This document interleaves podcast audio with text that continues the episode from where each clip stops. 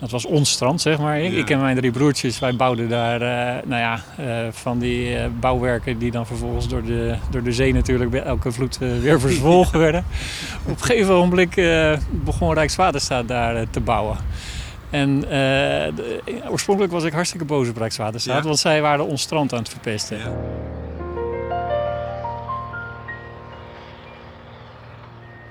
Welkom bij de podcast van Rijkswaterstaat en deze aflevering gaat over watermanagement.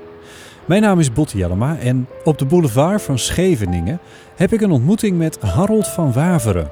Harold is topadviseur waterveiligheid bij Rijkswaterstaat. Een van mijn taken is eh, om ervoor te zorgen dat dit land eh, droge voeten houdt. Juist. 2018 was een spannend jaar voor Harold omdat we in januari ongebruikelijk veel water ons land binnenkregen en een half jaar later ongebruikelijk weinig. Goede reden om eens met hem bij te praten. We kijken uit over de Noordzee. Op het stuk strand dat ons van het water scheidt, lopen een paar mensen uit te waaien, soms met een hond. Een Hollandse najaarsdag. Koud, maar wel zonnig. Ten zuiden van ons rijden shovels, bulldozers en graafmachines in het zand. Er wordt hier gewerkt eh, om de boulevard van Scheveningen veilig te maken en te houden. Eh, een groot deel van het project is al afgerond eh, en het is ook gecombineerd met een hele mooie renovatie van de boulevard. Dus eh, wat dat betreft is het niet alleen waterveiligheid, maar ook de gemeente Scheveningen en het strand wordt er een stuk beter van. Wat we hier zien is dat ze vooral nog bezig zijn om het strand op te hogen. Ja. Dus er wordt zand aangevoerd, het wordt verspreid met grote shovels. We zien ook een paar prullenbakken van vorig jaar nog staan die intussen half in het zand staan. Dus we zien ook echt dat het strand hoger geworden is Ja, ten opzichte ja. van een paar maanden geleden. Ja, ze, staan echt, ze staan een beetje te laag, eh, Ja. die prullenmanden. Ja. Dus eh, ja, er wordt hier hard gewerkt eh, om Scheveningen ook het komende stormseizoen eh, veilig te houden. Wanneer er in Nederland een crisis is met hoogwater of juist met laagwater, dan is Harold degene die extra aan de slag moet. Ja, en eigenlijk sinds juni is het natuurlijk al prachtig weer. Ja. Maar dat heeft ook als gevolg eh, dat er eh, in Nederland behoorlijke watertekorten zijn ontstaan. Ja, nou dat is natuurlijk ook volop in het nieuws geweest. Eerst dat, eh, dat we wat zuiniger moesten zijn met het besproeien van de tuin. Toen kwam in het nieuws dat de oogsten wat tegen zouden kunnen vallen. En het laatste wat we erover hoorden, tenminste ja, in het grote brede nieuws zal ik maar zeggen, was dat er wel heel weinig water bij de Rijn ons land binnenkwam. Was dat het probleem? Ja, klopt. En dat is nog steeds zo. We zitten intussen half november. En de afvoer van de Rijn en de waterstand van de Rijn is nog steeds extreem laag. Ja. En dat zie je bijvoorbeeld dan eh, aan de scheepvaart, die daar enorm veel last van heeft. Eh, schepen kunnen maar 20, 30 procent eh, van hun lading, hun normale lading meenemen, omdat ze anders te diep steken. Dat En is nu, nu, het is half november is het. Ja. Dat is nu nog steeds aan de hand. Ja, absoluut. Nou, half november is normaal gesproken wel de periode dat de afvoer van de Rijn wel laag is. Hè. Dan is het eh, nog, althans dat kan gebeuren, hè. Dan is het nog een beetje na-effect van de zomer. En de harde regens van de herfst zijn dan nog niet begonnen. Maar het wordt langzamerhand wel tijd dat het weer allemaal wat natter wordt. Want eh, ja, zeker eh, begin december dan is het wel de bedoeling dat de afvoer van de Rijn weer wat omhoog gaat. Ja. Kan je het illustreren met, met getallen? Ik heb nooit, ik, af en toe hoor je dat dan. Zoveel kuub water per minuut of per seconde komt er dan bij lopen binnen. Ik heb geen idee wat het is. Maar kun je, kun je een indicatie geven wat de verschillen zijn? Ja, normaal gesproken in deze tijd van het jaar eh, zou er ongeveer eh, 2000 kubieke meter per seconde ons land binnen moeten komen. En, en 2000 kuub, kuub, dat is 2 miljoen liter per seconde. Eh, eh, elke seconde dus weer 2 miljoen liter, dat is best veel water. Eh, in deze situatie waar we nu zitten, daar zitten we onder de 1000. Eh, dus we zitten zelfs nu rond de 800. Minder dan de helft van normaal. Ja, klopt. Ja. En dan hebben we het dus nog niet eens over als het echt hoogwater is, maar gewoon normaal. Dus het is, het is echt heel erg weinig wat er op dit moment binnenkomt. Klopt. Dan gaf je al de gevolgen aan voor de scheepvaart. Wat zijn, wat zijn andere gevolgen van dat feit?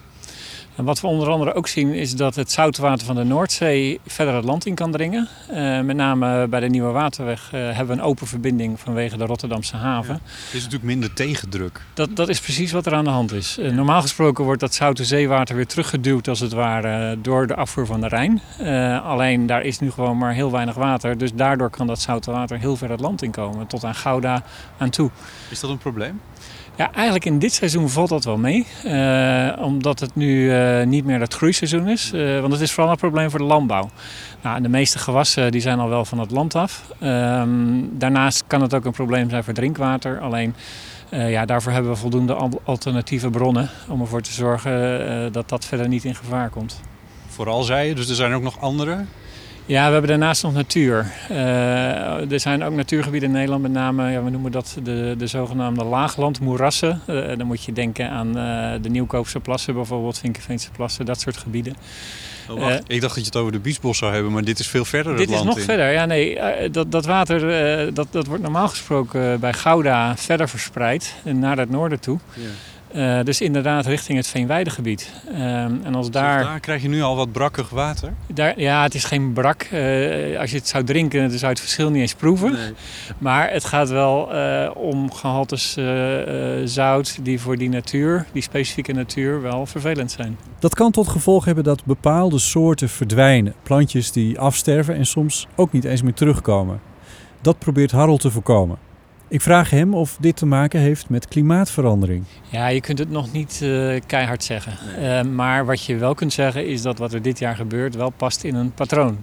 Ik hoorde Weerman alleen maar zeggen van een nieuw record. Ja, en, die, en, dat gaat maar door. Ja, nee, en, en zeker ook als je kijkt naar het water.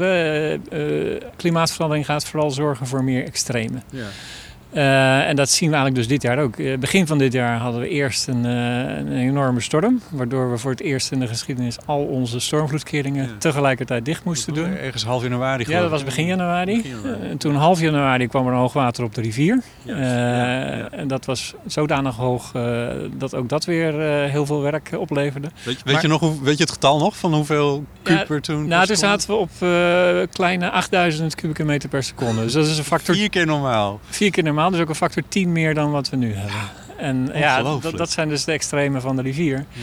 En wat toen wel heel mooi was, uh, toen hebben we voor het eerst in de praktijk uh, de maatregelen die we gemaakt hebben voor ruimte voor de rivier kunnen gebruiken. Ja. Dus bijvoorbeeld hebben we een extra watergeul bij Nijmegen ja. gebouwd. Ja, en die heeft door Lent heen inderdaad. Precies, en, en die heeft uh, gewoon voor het eerst water afgevoerd en dat deed hij prima. dus dat was wel heel mooi om te zien. In theorie kunnen onze rivieren nog twee keer zoveel water verwerken, vertelt Harold. 16 miljoen liter water per seconde. Een onvoorstelbare hoeveelheid.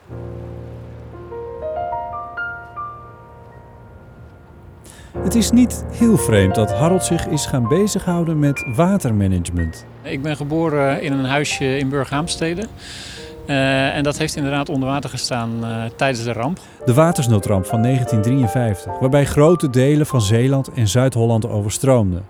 Burghaamstede ligt op Schouwen-Duiveland, niet heel ver van de tegenwoordige Oosterscheldekering. Harolds ouders hebben de ramp in eigen persoon meegemaakt. Ik zelf niet. Ik ben uh, zelf van, uh, van na die tijd. Maar mijn ouders uh, dus wel. En gelukkig heeft hun huis niet heel diep onder water gestaan. Het ging echt over een paar decimeters. Maar ze hebben het wel van heel nabij dicht meegemaakt. En uh, ja, dat is gewoon ook zo'n indrukwekkende belevenis. Uh, dat, dat, dat is ook nog steeds uh, in de familie echt ja. een, een belangrijk gespreksonderwerp. Zijn er toen mensen gewond geraakt of erger? Uit nee, familie? gelukkig uit mijn familie niet. maar van heel dichtbij in mijn kennissenkring van mijn ouders zeker wel. En ja, ook als je nu nog een keer die foto's ziet, de ravage die het heeft aangericht, het menselijk leed, de slachtoffers. Uh, ja, die verhalen die hebben mij wel uh, eigenlijk gestimuleerd om uiteindelijk ook uh, ja, civiele techniek te gaan studeren in Delft, weg een waterbouw. Ja. Uh, want ik had echt zoiets van, ja, hier wil ik ook iets aan doen. Hier wil ik mijn steentje aan bijdragen. Wat voor verhalen waren dat dan, die in jullie familie rondgingen? Nou, het ging met name over eh, de slachtoffers eh, die ze gezien hebben. Uh, mensen, uh, ja, doden ook die vervoerd moesten worden, waar ze aan bijgedragen hebben. Kennissen dus ook die wel verdronken waren. Ja, zeker. Die moesten zij ja, vervoeren en vervolgens begraven. Ja, ja precies, klopt. Dat is natuurlijk ja. ontzettend indrukwekkend als dat. Ja, absoluut. Ja, zeker. Wat, is dat, wat, wat heeft dat dan ja, bij jou als kind of misschien zelfs dan later... Wat zijn er de dingen geweest waardoor je dacht, ik, moet hier, ik, wil, ik wil dit gaan bestuderen, ik wil hier iets mee gaan doen? Ja, voor mij de belangrijkste stap was eigenlijk uh, de Oosterscheldekering. Ja. Uh, als kind gingen wij altijd... Jaren 80. Uh, ja, dat klopt. Jaren 70, jaren 80. Um, als kind gingen wij altijd vlakbij naar het strand op het punt van Schouwen-Duiveland. Dat was ons strand, zeg maar. Ik, ja. ik en mijn drie broertjes, wij bouwden daar uh, nou ja, uh, van die uh, bouwwerken die dan vervolgens door de, door de zee natuurlijk bij elke vloed weer verzwolgen werden. Op een gegeven moment begon Rijkswaterstaat daar te bouwen. En eh, oorspronkelijk was ik hartstikke boos op Rijkswaterstaat, want zij waren ons strand aan het verpesten. En op een gegeven moment moesten we zelfs van ons strand af.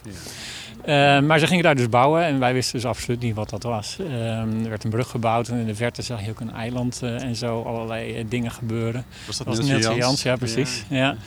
ja. um, op een gegeven moment ben ik toen met mijn opa, want die, die woonde daar, ehm, met de bus over die brug naar Neeltje Jans geweest. En daar heb ik tussen die pijlers rondgelopen. Die waren toen klaar. Ja, en dat waren echt pijlers van die Oosterscheldekering. 65 stuks, allemaal op een rijtje. Elk zo groot als een kathedraal. Ja. En ik liep daar als klein jochie tussen. En toen had ik zoiets van, ja, dit wil ik later ook. Ja. Oosterscheldekeringen bouwen. Ik wil uh, Oosterscheldekeringen bouwen, waterveiligheid uh, daaraan meehelpen. En toen had ik ook al zoiets van, ik wil bij Rijkswaterstaat werken later. En dat was voor mij eigenlijk de doorslag om ook naar Delft te gaan. Juist, en, uh, ja. ja. Dat was natuurlijk een waanzinnig project, die Delta werken. Ja. Dat is op een gegeven moment ook ja, min of meer afgerond. Uh, en ik kan me voorstellen dat je misschien ook een tijdje hebt rondgelopen bij Rijkswaterstaat van ja, zo'n kering zal ik nooit meer bouwen, want Klopt. het is misschien niet meer nodig. Ja. En nu krijgen we te maken met berichten over dat de zeespiegel gaat stijgen. Ja. Wat voor ons land best wel grote consequenties kan hebben natuurlijk. Ja. Is dit jouw uitdaging? Nou, absoluut. Uh, als je kijkt naar klimaatverandering, is het zeker een uitdaging. Um, en eigenlijk aan alle kanten, als je het hebt over water, het gaat over zeespiegelstijging, het gaat over hogere afvoer op de rivier in de winter. Dus als je het niet nodig hebt, uh, en juist weer lagere als we het ja, ja. wel nodig zouden hebben, en al die combinaties daarin. En uh, ja, de grote vraag is dan inderdaad hoe hou je zo'n laaggelegen land, uh, waar 40% onder de zeespiegel uh, ligt, ja. droog. Nou, nou is het hier heel voorstelbaar in die zin dat, dat als de zee hier omhoog komt, dat je denkt, ja, daar moeten we iets aan doen. Doen we ook al iets aan, dus dan denk ja. ik van, nou ja, dat kan hoger. Maar een groot probleem, althans dat is iets waar ik, waar ik zelf altijd een beetje mee zit. Je had het over die, wat was dat, 16.000 kuub ja. per seconde die ons land binnen kan komen in, in, in het zwaarste geval. Ja dat moet ergens naartoe. Maar als die zee dan zo hoog is, dan, dan hebben we wel een probleem. Dan hebben we een ander probleem dan alleen maar een beetje de, de, de, de kustverdediging. Ja, absoluut. Juist die combinatie is inderdaad uh, uh, heel extreem. Um, gelukkig is de kans erop ook weer heel klein. Uh, maar het kan wel gebeuren dat op het moment dat het stormt, dat ook de afvoer op de rivier hoger is. Ja. Ja, en dan kan je het inderdaad niet kwijt. Althans, je kunt het niet direct kwijt. Uh, wat je dan moet doen, dat doen we eigenlijk nu al, hè, is uh, water opslaan in de grote meren in de zuidwestelijke delta. Uh, Hollands Diep, Haringvliet, Greveling, Oosterschelde, we ook voor kunnen gebruiken. Ja, en daarnaast ontkomen we er op een gegeven moment niet aan om hele grote pompen te installeren. Ja. Ja. Um, die hebben we nu al bij Amuiden. dat was vroeger het grootste gemaal ter wereld. Uh, intussen is er in New Orleans uh, na een orkaan een grotere gebouwd. Maar goed, het is nog steeds een grote. Op de, af, op de afsluitdijk zijn we nu pompen aan het bouwen. Ja, maar de, want even voor, voor mijn idee. Dat gaat dus niet om het leegpompen van de polders. Zoals we het ouderwets met onze mooie molentjes die wereldberoemd ja. zijn uh, hebben gedaan. Dit gaat om het leegpompen van onze rivieren. Dit gaat uiteindelijk, hè, als die zeespiegelstijging meer dan 1,5 meter wordt. Dan komt het erop neer dat we het hele Rijnstroomgebied en Maastroomgebied hier weg moeten pompen. Ja. Al het water wat daar valt. Maar dat is wat. Ja, dat zijn hele grote gemalen. Ja. En hele grote pompen, dat klopt. Ja. Dan mag je wel een paar kathedralen van pompen gaan bouwen. Ja, nee, IJmuiden was de grootste ter wereld. Dat was 250 kub per seconde. Um, wat we nu plannen op de afsluitdijk, dat is vergelijkbaar nu voor de korte termijn. Maar voor de lange termijn heb je het echt over een paar duizend ja. kubieke meter per seconde. Ja. De kans op hoogwater op de rivier en een storm op de kust is niettemin klein, zegt Harold. Een kans van 1 in de 10.000 jaar. En dat is voor Nederland een mooi beschermingsniveau. Ja, dan heb je het meer over net iets lagere afvoeren en een net iets uh, minder harde storm, die wel weer wat vaker voorkomt. Dan kom je op die 1 op 10.000 uit. Dus dan heb je het over bijvoorbeeld ongeveer 10.000 kubieke meter per seconde op de rivier bij Lobit. En dan windkracht 6 tot 8 hier. Dat, ja. dat levert dan weer die 1 op 10.000 uh, kans op. Ja. Ja. dat zou een paar spannende dagen opleveren waarschijnlijk. Ja, dat sowieso. ja. Zulke spannende dagen zijn ons in de afgelopen jaren bespaard gebleven. In de Verenigde Staten was dat anders. Ja, ik ben vorige week in Houston geweest. Houston, Texas. De orkaan Harvey 2017. Zo'n 125 miljard dollar schade en meer dan 100 doden. In Houston worden nu plannen gemaakt om op een volgende Harvey beter voorbereid te zijn. In dat kader was Harold namens Rijkswaterstaat uitgenodigd bij een conferentie daar. Uh, het is niet eenrichtsverkeer dat wij daar gaan vertellen hoe ze het moeten doen. Uh, het is echt gewoon delen van kennis. Want uh, ze de situatie is natuurlijk weer totaal anders. Is totaal anders. Ze ja. hebben daar gewoon natuurlijk ook enorm veel kennis. Dus wat dat betreft ja. is het echt uitwisselen van kennis. Ja. Um, en dat geldt ook bij zoiets als Harvey en, en, alles wat daarna gekomen is. als je kijkt naar die gebeurtenis, ja, er is ook wel heel veel regen daar gevallen. Als dat bij ons gevallen zou zijn, je hebt het over anderhalve meter water in een paar dagen. Ja. En op sommige plekken 600 mm of 1000. toch even uit mijn hoofd, dat is twee keer zoveel als we hier op jaarbasis hebben. Ja, ik. klopt. Ja. ja. en dan in twee dagen. Ja. Dan was het hier ook niet goed gegaan. Nee, laten we wel weer. Nee. Dus uh, ja, wat we wel kunnen doen, is gewoon tips geven over ja, hoe wij dit soort dingen dan aanpakken. Uh, dus we hebben bijvoorbeeld wel iets verteld over ruimte voor de rivier. Uh, we hebben ook iets verteld hier over hoe je kunt werken met zand. Uh, het belang van een goede ruimtelijke ontwikkeling. Dat is bijvoorbeeld in Amerika wel lastig. Ze houden er helemaal niet van regelgeving. Wij eigenlijk ook al niet. Maar in Amerika is dat nog een factor 10 erger, denk ik. Ja, je zult toch iets aan, aan, regels moeten doen om te zeggen waar je beter wel en niet kunt bouwen. Om te voorkomen dat je in de problemen komt. Ja, ja. ja dat zijn van die elementen. Ik heb een keer een verhaal gezien, dat staat ergens op internet, ik weet niet waar. Maar van, dat in Amerika aan de hand is dat een soort dijkenwedstrijd aan de hand is rond de rivier. Ja, dat aan de ene zijde van de rivier iemand zijn land beschermt door een hoge dijk te bouwen, waardoor de rivier minder ruimte heeft. En aan de andere kant dan overstroomt, bouwt diegene weer een hogere dijk, overstroomt hij weer aan de andere kant. En zo ja. gaat het maar door. Ja, nee, klopt. En je lost het niet op. Nee, en, en dat is misschien wel het grootste uh, probleem in Amerika. Uh, dus... Het voordeel van Nederland, dat als hier Rijkswaterstaat zegt... sorry Lent, we moeten even door jullie dorp heen. Uh, dat, is, dat is heel naar voor Lent, ja. maar het gebeurt wel. Ja, uiteindelijk wel. En, en natuurlijk moet je daar dan die mensen heel goed voor compenseren. Hè? Want ja. ook al zijn het er maar vijf of tien bij wijze van spreken... die moet je echt heel goed uh, behandelen. Want zij brengen een gigantisch offer voor de maatschappij. Dus zo werkt het ook wel weer. Maar als je dan kijkt in Amerika, dat is echt de grootste uitdaging voor ze, samenwerken. Uh, en, daar hebben we het ook over gehad. Hoe zorg je ervoor dat die samenwerking tussen al die organisaties op nationaal, state, regionaal, de stad zelf... Uh, al die lange partijen, uh, dat je dat organiseert met elkaar. Dat je niet naar elkaar gaat zitten kijken, tot een ander initiatief neemt, plannen gaat maken, geld gaat regelen. En, en dat, dat was uit de conclusie. Daar kunnen wij wel bij adviseren op ja. dat punt. Van, uh, we noemen dat governance, hè, de, ja. het governance model, ja. het samenwerkingsmodel, besluitvormingsmodel. Poldermodel? Ja, dat okay, komt er een beetje op neer. Ja. Uh, en uh, ja, nou ja, daar kunnen we dus wel bij helpen en dat gaan we ook doen. En je zei, het is, het is een uitwisseling van kennis, dus het komt soms ook de andere kant op. Wat is het meest bijzondere wat je daar afgezien van die enorme hoeveelheden regen natuurlijk, die getallen zijn indrukwekkend. Maar wat is het meest bijzondere wat je van hen gehoord of geleerd hebt? Ja, met betrekking tot Harvey met name uh, de manier van crisisbeheersing. Uh, daar was ik dus ook voor in januari. Um, gewoon als je die ervaringen hoort van zo'n team, ze hebben dat echt veel professioneler georganiseerd dan wij.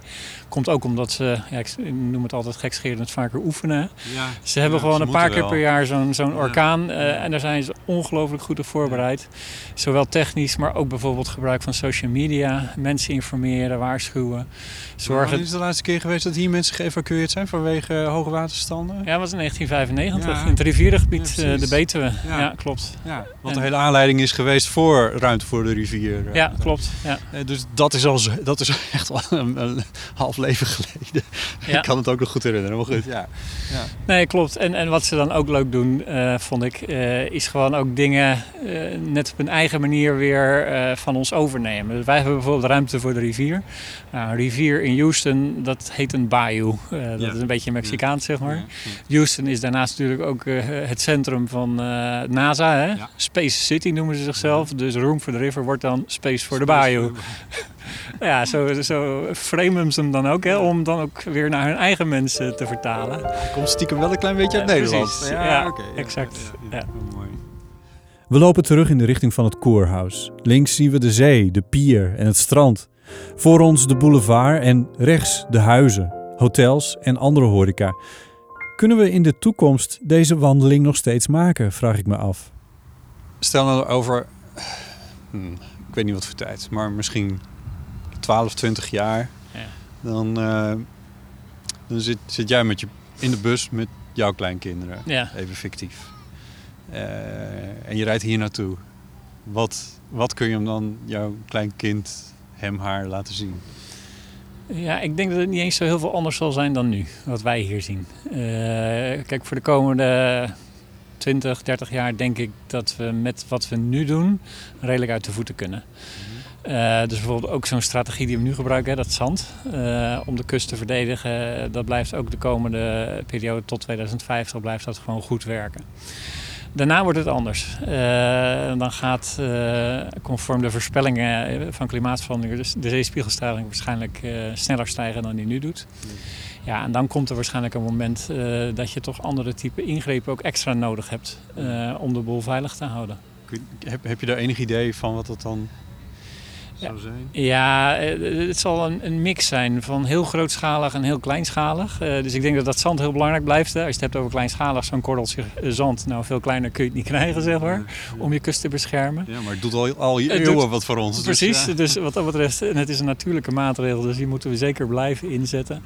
Maar ik ben bang daarnaast dat we ook die grootschalige eh, constructies toch wel nodig hebben op termijn om dit land veilig te houden. Dus bijvoorbeeld die pompen die ik noemde, hè, pompen van een paar duizend kubieke meter per seconde, dat is echt mega. Ja. Het is uh, tien keer zo groot dan de grootste ter wereld die er nu staat, uh, om maar iets te noemen. Ja, dat, dat, dat zijn dus hele grote constructies. Uh, het is ook de vraag of je bijvoorbeeld de nieuwe waterweg uiteindelijk open kunt houden of niet. dus ja, dat zijn hele fundamentele vragen. Want in Rotterdam zullen ze dat niet leuk vinden, uiteraard, met de haven. Nee, nee. Maar wellicht dat het daar ook over 100 jaar er anders uitziet, ook qua maatschappelijke ontwikkelingen. Je, je, weet nooit wat er dan met zo'n haven in zo'n lange tijd ook gebeurt. Nou ja, dat zijn allemaal vragen natuurlijk.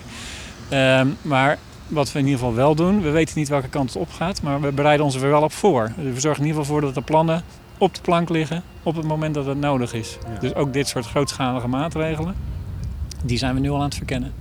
Dus onze kleinkinderen die hebben nog wel wat te doen uh, wat dat betreft. Ja, en ik vind ook wel dat ze daar recht op hebben hè, om zelf te kunnen kiezen uh, wat ze willen doen. Hè. Ja. Wij kunnen nu wel gaan bedenken hoe de wereld er over 50 of 100 jaar uit zou moeten zien. Maar één ding weet je dan zeker, wat wij nu bedenken, dat zal het niet worden.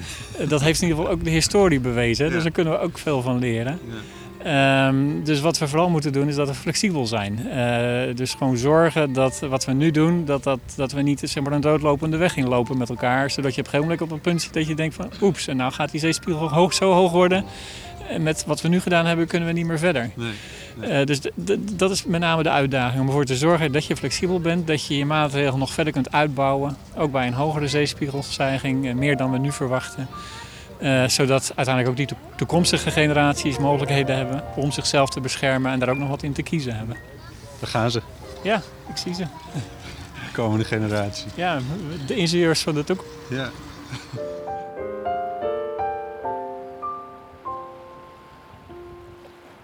Je luisterde naar een aflevering uit de podcastserie over het werk van Rijkswaterstaat. En deze keer hadden we een ontmoeting met topadviseur Harold van Waveren. Bedankt voor het luisteren.